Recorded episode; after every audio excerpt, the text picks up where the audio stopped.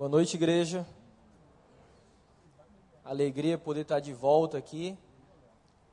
Na quinta-feira passada, tive na cidade de Fortaleza, minha cidade. Fui visitar a minha avó. Minha avó estava em um estado muito grave no hospital.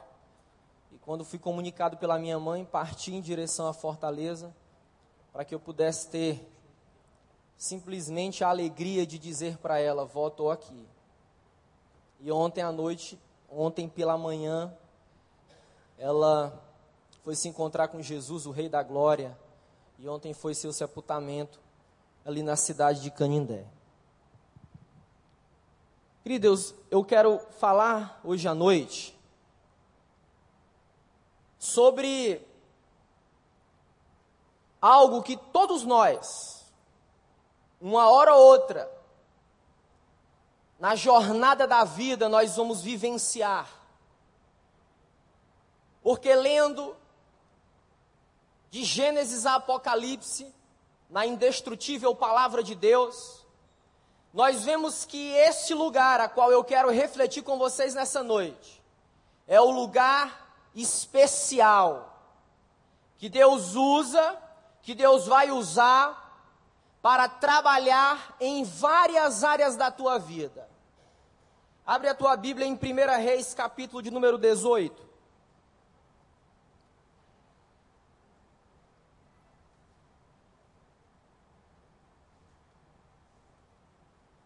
Primeira Reis, capítulo de número 18.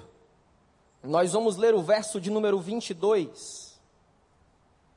Quero que você acompanhe comigo com muita tranquilidade para aquilo que o Espírito Santo quer ministrar no nosso coração nessa noite. Diz assim a palavra do Senhor. Então o profeta se chegou ao rei e disse: Vai, ser forte, considera e vê o que has de fazer, porque daqui a um ano subirá o rei da Síria contra ti.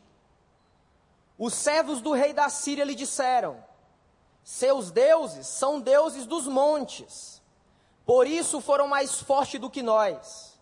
Mas pelejemos contra ele em planícies ou nos vales, por certo seremos mais fortes que eles. Fazei, pois, isto: tira os reis, cada um do seu lugar, e substitui-os por capitães. Forme um outro exército, tão igual e numeroso como ao que perdeste com quantos cavalos e outros tantos carros, e pelejemos contra ele nos vales, e por certo seremos mais fortes. Ele deu ouvidos ao que disseram e assim fez. Decorrido um ano, Ben-Hadad passou revista aos sírios e subiu a Afeca para pelejar contra Israel. Também os filhos de Israel se passou revista, foram providos de viveres e marcharam contra eles. Os filhos de Israel acamparam diante deles, como dois pequenos rebanhos de cabra, mas os sírios enchiam a terra. Chegou o homem de Deus e falou ao rei de Israel e disse: Assim diz o Senhor, porquanto os sírios disseram: O Senhor é Deus dos montes e não dos vales. Toda essa grande multidão entregarei nas tuas mãos, e assim saberás que eu sou o Senhor. Sete dias estiveram acampados uns diante dos outros. No sétimo dia travou-se uma batalha, e os filhos de Israel, num só dia, feriram os reis da Síria, cem mil homens de pé. E que Deus nos abençoe nessa noite. Queridos, os vales são lugares, lugares aonde Deus pode me conduzir são lugares aonde Deus pode conduzir a sua família para lhe ensinar lições que talvez você só aprenda nos vales. Mas calma que eu vou explicar o que estava acontecendo na história de Israel. O livro de Reis, o objetivo desse livro é narrar como se estabelecia a monarquia no povo de Deus. E aí, no reino do norte, um homem chamado Ben Haddad queria atacar o povo de Deus. O objetivo daquele homem que comandava um dos mais poderosos exércitos da história era simplesmente destruir e liquidar o povo de Deus. Mas o capítulo de número 20, se você ler o versículo de número 1 até o versículo de número 22, você vai ver que não foi isso que aconteceu.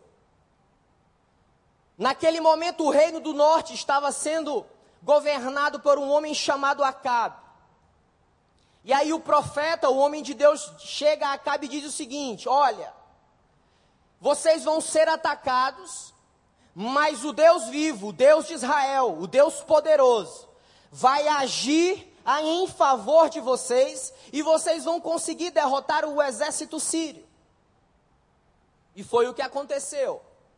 Mas a partir do verso de número 22, o texto diz que se passou um ano.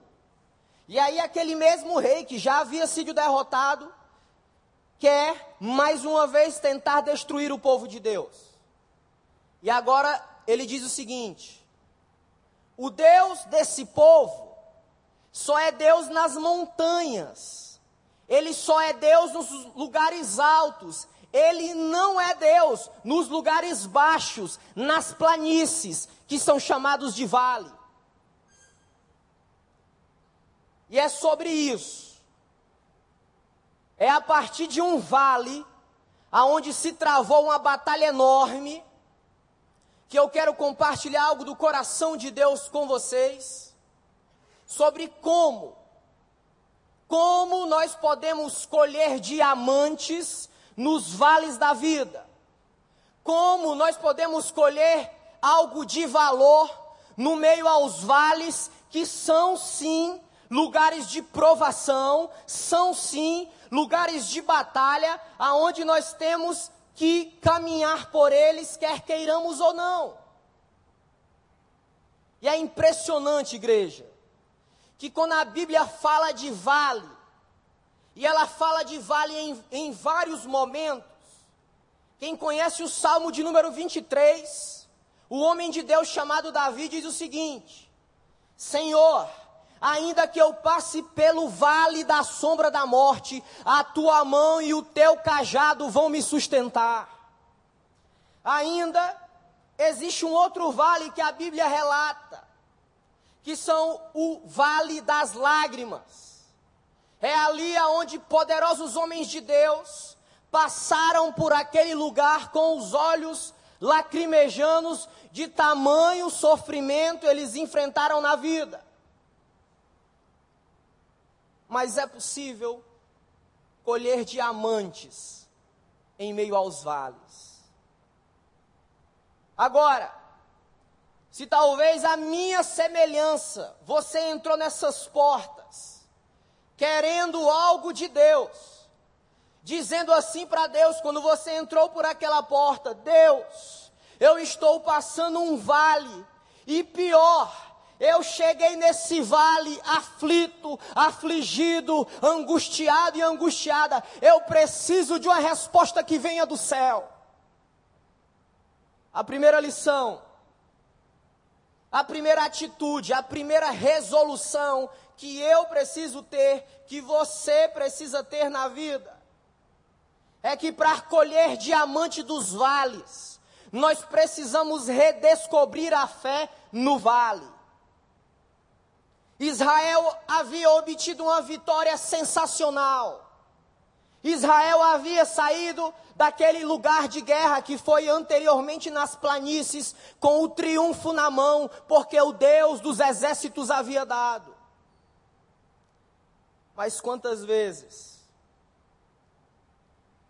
nós estamos triunfando na vida, nós estamos triunfando nos negócios, nós estamos triunfando com a família, nós estamos crescendo na fé, mas o Deus que me permite entrar no vale ele me chama para o vale, ele te chama para o vale, para dizer: meu filho, minha filha, eu preciso ensinar você lições que só aqui, só no vale, só no lugar da batalha, só quando a tua família é atacada, só quando você é atacado nas emoções, só quando você é afligido no corpo, é que eu vou te ensinar. Mas, igreja de Deus, eu preciso redescobrir a fé. Porque geralmente quando nós estamos no vale, nos vales da vida, é mais fácil para nós não confiar no de, num Deus que parece não confiável nesse momento. É mais fácil para nós não esperar nele, porque naquele momento ele não parece justo. Naquele momento, uma mãe que está na UTI esperando o seu filho, bebê, sair de lá, e ela olha para o céu e diz: Deus, eu estou triunfando nos negócios. Deus, os meus filhos estão triunfando na vida, mas esse meu filho não, por quê? E essas perguntas vêm como dardos inflamados na nossa alma e parece que nos fazem esquecer de tudo aquilo que o Senhor, que também age nas montanhas, é o mesmo que opera nos vales da vida, porque a Bíblia diz, a palavra de Deus diz que ele não muda. O povo de Israel estava consciente que o Eterno iria manifestar o seu amor, que o Eterno iria manifestar o seu perdão, que o Eterno iria manifestar a sua graça, o seu favor imerecido, independente se era em lugares altos ou se era em lugares baixos, porque o seu amor, a sua majestade, a sua misericórdia, ela alcança todos os lugares da terra e da nossa vida. Mas não é fácil passar pelos vales. Israel vai ao vale depois de uma vitória. Mas quantos pais, quantas mulheres, quantos adolescentes e jovens vão ao vale já fragilizado? Talvez alguém em algum lugar desse mundo esteja dizendo para Deus: Senhor, eu estou no vale, fragilizada, e ainda estou sendo atacada na minha autoestima. Por quê? Senhor, eu estou no vale, mas além disso, o meu casamento está vivenciando uma crise avassaladora. Por quê?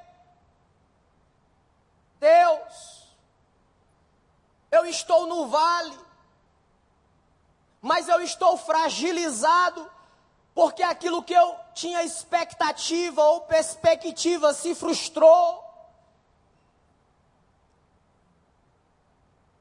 E nessas horas, não há como deixar de lembrar das palavras de um homem que soube bem o que era caminhar nos vales da vida. E esse homem se chamava Davi.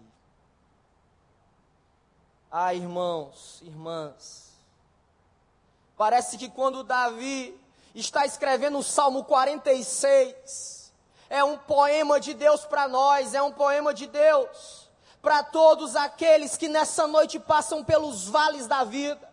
E no Salmo 46, no verso 1, Davi diz assim: O Senhor meu Deus, Ele é o meu refúgio, Ele é a minha fortaleza e nele porei a minha segurança. Louvado seja o nome de Jesus. É possível sim extrair, colher diamante em meio aos vales da vida. É possível ir ao vale e lutar para reconstruir o seu casamento. É possível ir aos vales da vida e lutar, mulher, para ter a sua autoestima voltada ao normal, porque você é alguém especial para Deus. Mas se nós queremos colher esses dia diamantes, nós também precisamos fazer como esses homens, que no verso 29 diz que eles passaram sete dias acampado, olhando o exército que queria atacá-los e destruí-los. Israel não tinha mais vantagens, igreja, no vale. Sabe por quê? Porque o povo de Israel tinha uma força muito grande em infantaria, em homens que lutassem no braço. Mas na planície não acontece assim. Na planície, o exército inimigo tinha cavalos e tinha carruagens de guerra. Esses dias eu me peguei no vale e eu olhava a planície da minha vida e perguntava para Deus: e agora? E agora, Senhor? E agora como? Como eu vou enxergar diamantes no meio desse vale? Como eu vou conseguir enxergar que desse vale, que dessa solidão, que dessa aflição, eu posso tirar algo de valor para a minha vida e para a vida do outro. E é assim que a gente começa a pensar. E aí o Espírito Santo, em meio a muitas lágrimas, em meio a uma batalha enorme dentro de mim, me dizia: Meu filho, eu te permiti ir para o vale, para que você possa ter a experiência que grandes homens de Deus, como José, como Daniel, como Moisés, tiveram de colher diamantes em meio aos vales da vida. Agora, nós só vamos colher isso se, primeiro, redescobrirmos a fé, segundo, se nós permanecermos obedientes, assim como aqueles homens. Nós não podemos temer quando nos encontrarmos no vale e sentirmos tamanho medo para voltarmos atrás. Não! Obedecer a Deus é dizer: Senhor, eu vou permanecer aqui o tempo que for necessário, e eu vou ganhar essa batalha pela minha família, eu vou ganhar essa batalha na reconstrução do meu casamento, eu vou ganhar essa batalha num ânimo novo, numa fé revigorada pelo poder do sangue de Jesus, e eu vou permanecer aqui. Mas a gente se contorce de dor E a gente fica cambaleando, pensando se avança ou se recua. Porque nós somos gente. E Ele conhece a nossa estrutura física, emocional e espiritual. Talvez você seja tentado a acreditar que Ele não conhece, mas Ele conhece. Ele conhece a, a lágrima daquela mãe que chora pelos filhos, dizendo: Deus salva os meus filhos. Ela, ele conhece a lágrima daquele pai que diz: Senhor, sem emprego, como que eu vou cuidar da minha família? Deus conhece. Agora, o que tem que vir no nosso coração é aquilo que Paulo escreve à igreja de Corinto quando ele diz assim: de todos os lados nós somos pressionados, mas não somos desanimados. Ficamos perplexos, mas não desesperados. Somos perseguidos, mas jamais abandonados. Ficamos abatidos, mas não somos destruídos. Louvado seja o nome de Jesus. Você precisa crer nisso. Você precisa crer que a obediência vai trazer resultados para a sua vida. Mas o vale da lágrima, o vale da escuridão,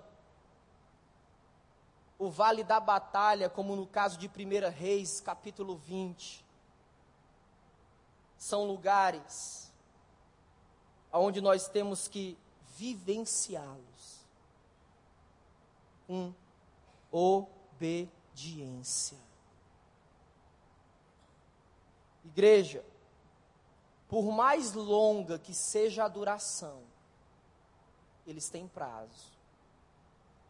Eles têm o limite.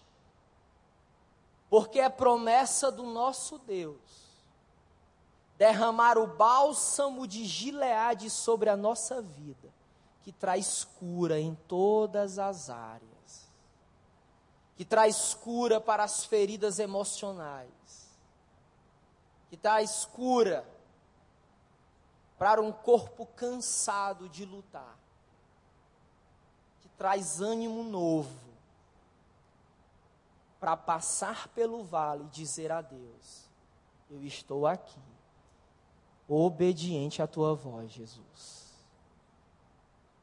Isso me fez lembrar um grande homem de Deus, chamado Charles Spurgeon, que ele soube que no interior da Inglaterra, um pássaro chamado roxinol cantava as mais lindas canções.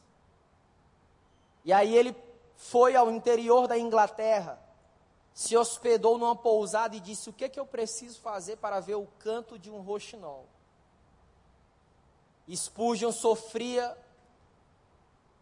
uma batalha enorme dentro dele, relacionada à sua fé, mesmo tendo sido criado num lar evangélico, protestante, na época na Inglaterra, e ele estava vivendo crises na fé.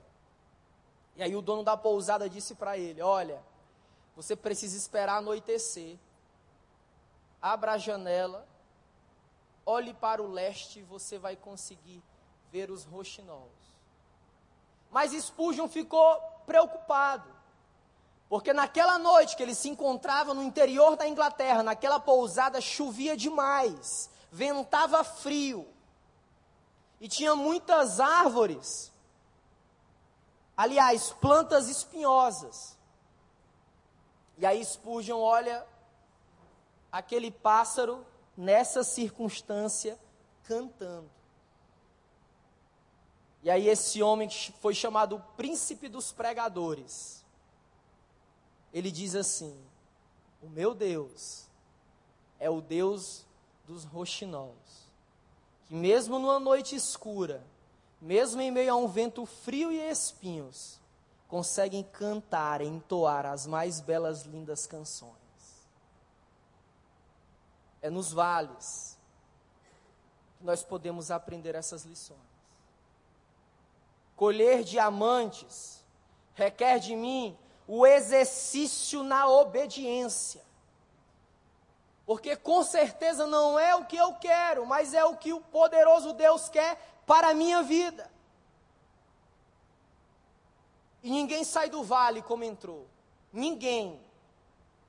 Ninguém sai das planícies, de um lugar onde é você e Deus, da mesma maneira. Se nós quisermos colher diamantes em meio aos vales da vida, nós precisamos manter a chama da esperança acesa. Ah, pastor, mas essa é uma palavra que está se esvaziando, é verdade. Não conseguimos mais ver a beleza do Deus vivo agindo nas coisas tão simples da nossa vida.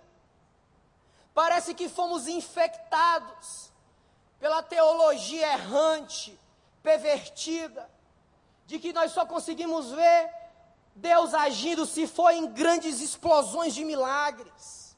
Mas não, a Bíblia diz que Deus age nas coisas simples, nas coisas corriqueiras da vida. E nós não percebemos isso. Esperança é desejar o que não depende de nós. Esperança é um grito que nasce da alma, de alguém, de um homem, de uma mulher que diz: Deus, eu creio nas verdades do Evangelho e a minha esperança ela não morre, porque ela está em Cristo Jesus. Esperança é eu crer diante da impossibilidade. Esperar é dizer eu quero aprender a ver como Deus vai dar o desfecho da história e o desfecho dessa minha vida. E aí me faz lembrar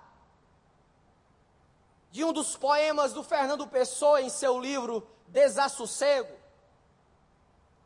que ele diz que nós ficamos como entregues a si mesmos, que nós nos consolamos com a desolação, com a crise que nós vivemos. E aí ele fala assim: um barco, ele não foi feito simplesmente para navegar, mas um barco foi feito para achar o seu porto final. Igreja de Deus, nós fomos feitos para achar o porto final e é Jesus Cristo de Nazaré. Nós fomos feitos para chegar em Apocalipse capítulo 21 e dizer: Eu vejo a nova Jerusalém de Deus e ela desce do céu como a noiva ataviada, e eis o Cordeiro de Deus que tira o pecado do mundo. Nós fomos feitos para chegar no porto e dizer: Senhor, eu consegui chegar aqui. Eu passei pelas montanhas, eu passei pelos vales da vida, e eu estou aqui de pé na tua presença para dizer: Santo, Santo, digno é o Cordeiro de Deus que venceu sobre a morte. Louvado seja o nome de Jesus. Mas eu estou convicto a cada dia seja passando pelas montanhas ou pelos vales, que nós não podemos recuar nem um milímetro, porque a palavra de Deus diz que as portas do inferno não prevalecerão contra a igreja de Deus. E aí me faz lembrar de homens e mulheres que não tiveram suas vidas por preciosas, de homens e mulheres que não querem entrar na roda viva da vida, como compôs Chico Buarque em 1967, aonde uma geração se achava na roda da vida e os anos iam passando e as coisas não mudavam e não havia transformação social. A transformação nas famílias, a transformação na minha vida, na sua vida, só vai acontecer pelo poder do Evangelho, pela verdade do Evangelho de Cristo Jesus, que levanta aquela mulher com joelhos trôpegos, que levanta aquele adolescente perdido na vida, que levanta aquele jovem e diz: Eu encho o teu coração de uma esperança viva, vai e frutifica, vai desenvolve a tua liderança, vai e prega o Evangelho vai e olha para a cruz de Cristo sem recuar um milímetro sequer. Louvado seja o Deus eterno que nos reuniu aqui nessa noite. Não, nós não podemos decidir de lutar pelas nossas famílias. Quantas famílias estão sofrendo por vários motivos. E eu e você temos a palavra para dizer para eles: vocês podem colher diamantes em meio aos vales da vida de vocês. Vocês podem colher o mais precioso diamante desse mundo, que é a pessoa de Jesus Cristo de Nazaré. Ah, esperança. Se eu quiser colher diamantes, eu preciso alimentar no meu coração essa esperança viva. Eu preciso olhar para Deus em meio às muitas lágrimas, em meio às muitas decepções e percas, e dizer: Jesus, que a esperança possa ser algo que ferva o meu coração na tua presença que a esperança de ver a minha família firmada na rocha possa ser algo que ferva o meu coração e me mova a fazer o que está ao meu alcance. Eu preciso dizer para Deus. Eu preciso dizer, Deus, eu não vou conseguir só. Deus, mesmo com áreas da minha vida que estão inflamadas, eu preciso, eu preciso de uma esperança viva. Eu preciso olhar para ti e crer que depois de anos de casamento eu posso, após um divórcio, reconstruir a minha vida, porque tu me ama. Eu creio, irmãos e irmãs, eu creio na igreja do Deus vivo, aquela igreja que nasceu em Pentecostes, aquela igreja que vivenciava o valor da adoração, que vivenciava o valor da comunhão, que vivenciava o valor do discipulado, que vivenciava o valor do serviço, que vivenciava o valor da obra de missões. E esses são os propósitos eternos de Deus para a igreja e para a minha vida. Fica de pé em nome de Jesus.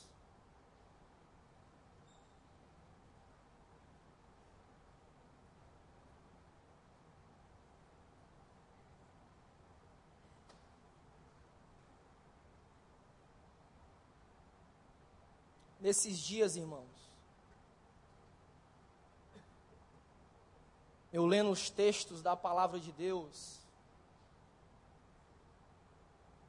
querendo aprender, entender como eu poderia colher diamante em meio aos vales. E aí eu li a história de Jeremias.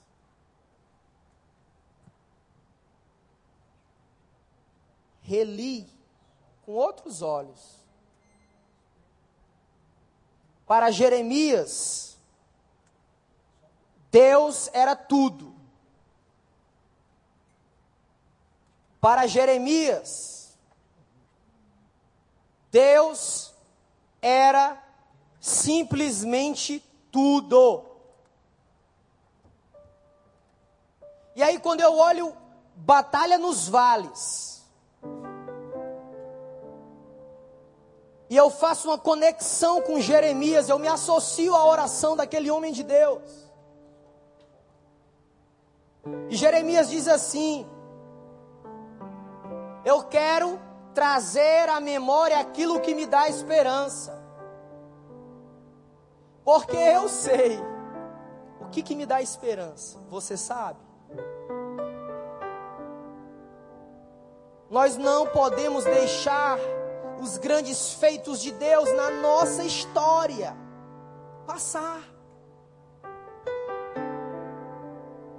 E aí eu me lembro de um companheiro também de Jeremias, profeta de Deus, Malaquias, capítulo 4, no verso 2. E ele diz assim: que se levante o sol da justiça, trazendo salvação. Não precisa de muitas coisas para entender que os vales são necessários. Feche teus olhos, vamos louvar aquele cântico que diz assim: bem mais que tudo.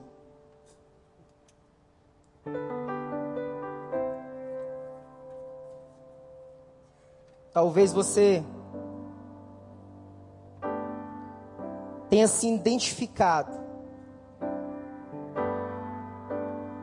com os homens de Israel que enfrentaram a batalha no meio do vale. Mas eu quero falar para você que eles tiveram triunfo porque creram no nome de Jesus. Eles tiveram triunfo porque acreditaram no Deus vivo, redescobriram a sua fé, porque eles foram obedientes e porque eles manteram a chama da esperança acesa. Vamos louvar essa canção. Agora louva do fundo do teu coração.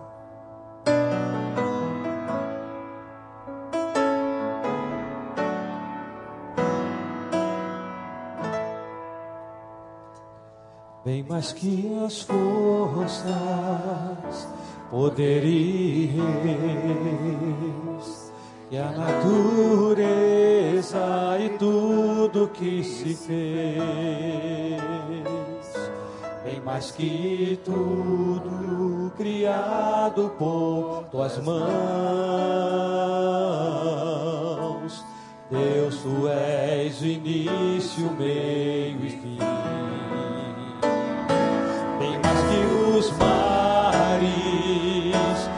mais que o sol e as maravilhas que o mundo conheceu riquezas, tesouros desta terra.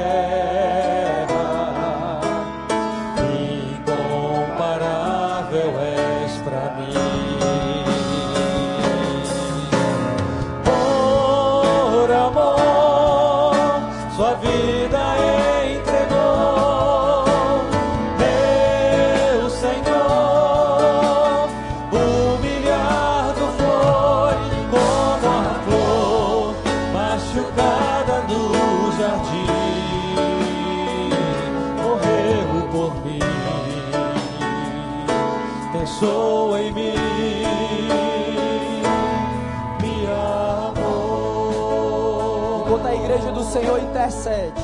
Feche teus olhos em nome de Jesus. Começa, continua a adorar o Deus vivo, presente entre nós.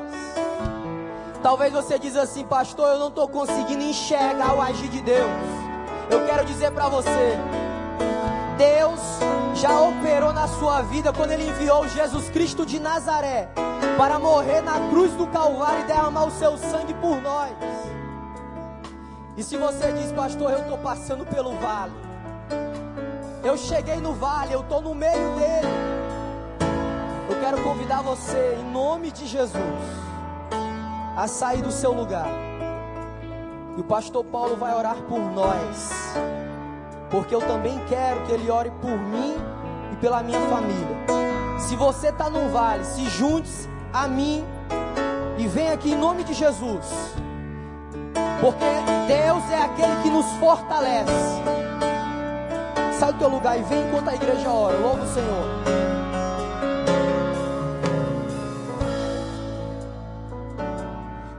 Que as forças, poder e reis, que a natureza fez mais que tudo criado por tuas mãos.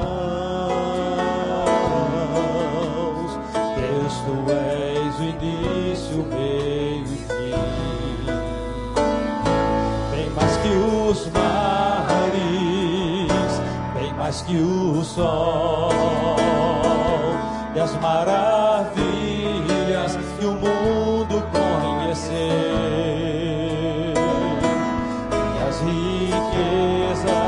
tesouros desta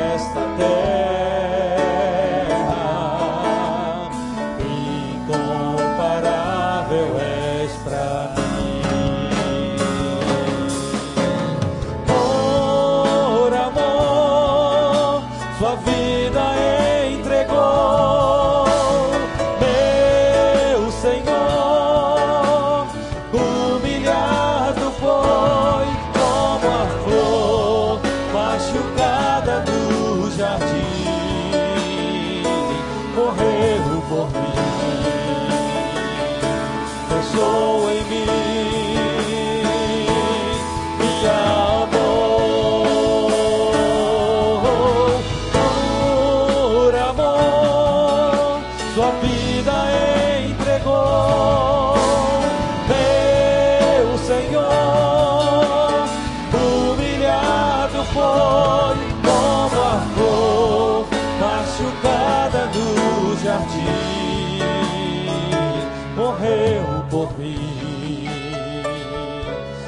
pensou em mim,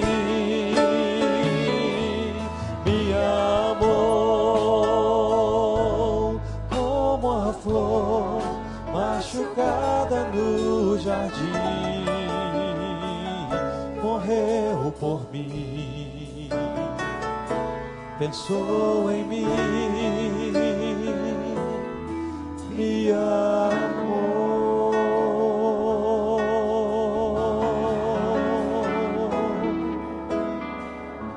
Sabe, irmãos, todos nós podemos passar por vales. Não há ninguém aqui que nunca experimentou os vales da vida. Ora estamos por baixo, ora estamos por cima. Mas o que nos conforta é saber que, mesmo no vale, o Senhor está conosco. Ele nunca nos abandona. E os vales acontecem, podem surgir situações de vale em qualquer um de nós. A palavra de Deus nos diz, já foi lido pelo pastor Marcos e quero repetir, Salmo 23, versículo 4. Ainda que eu ande pelo vale da sombra da morte, não temerei mal nenhum, porque tu estás comigo. O que importa é você saber que mesmo no vale, Deus está com você.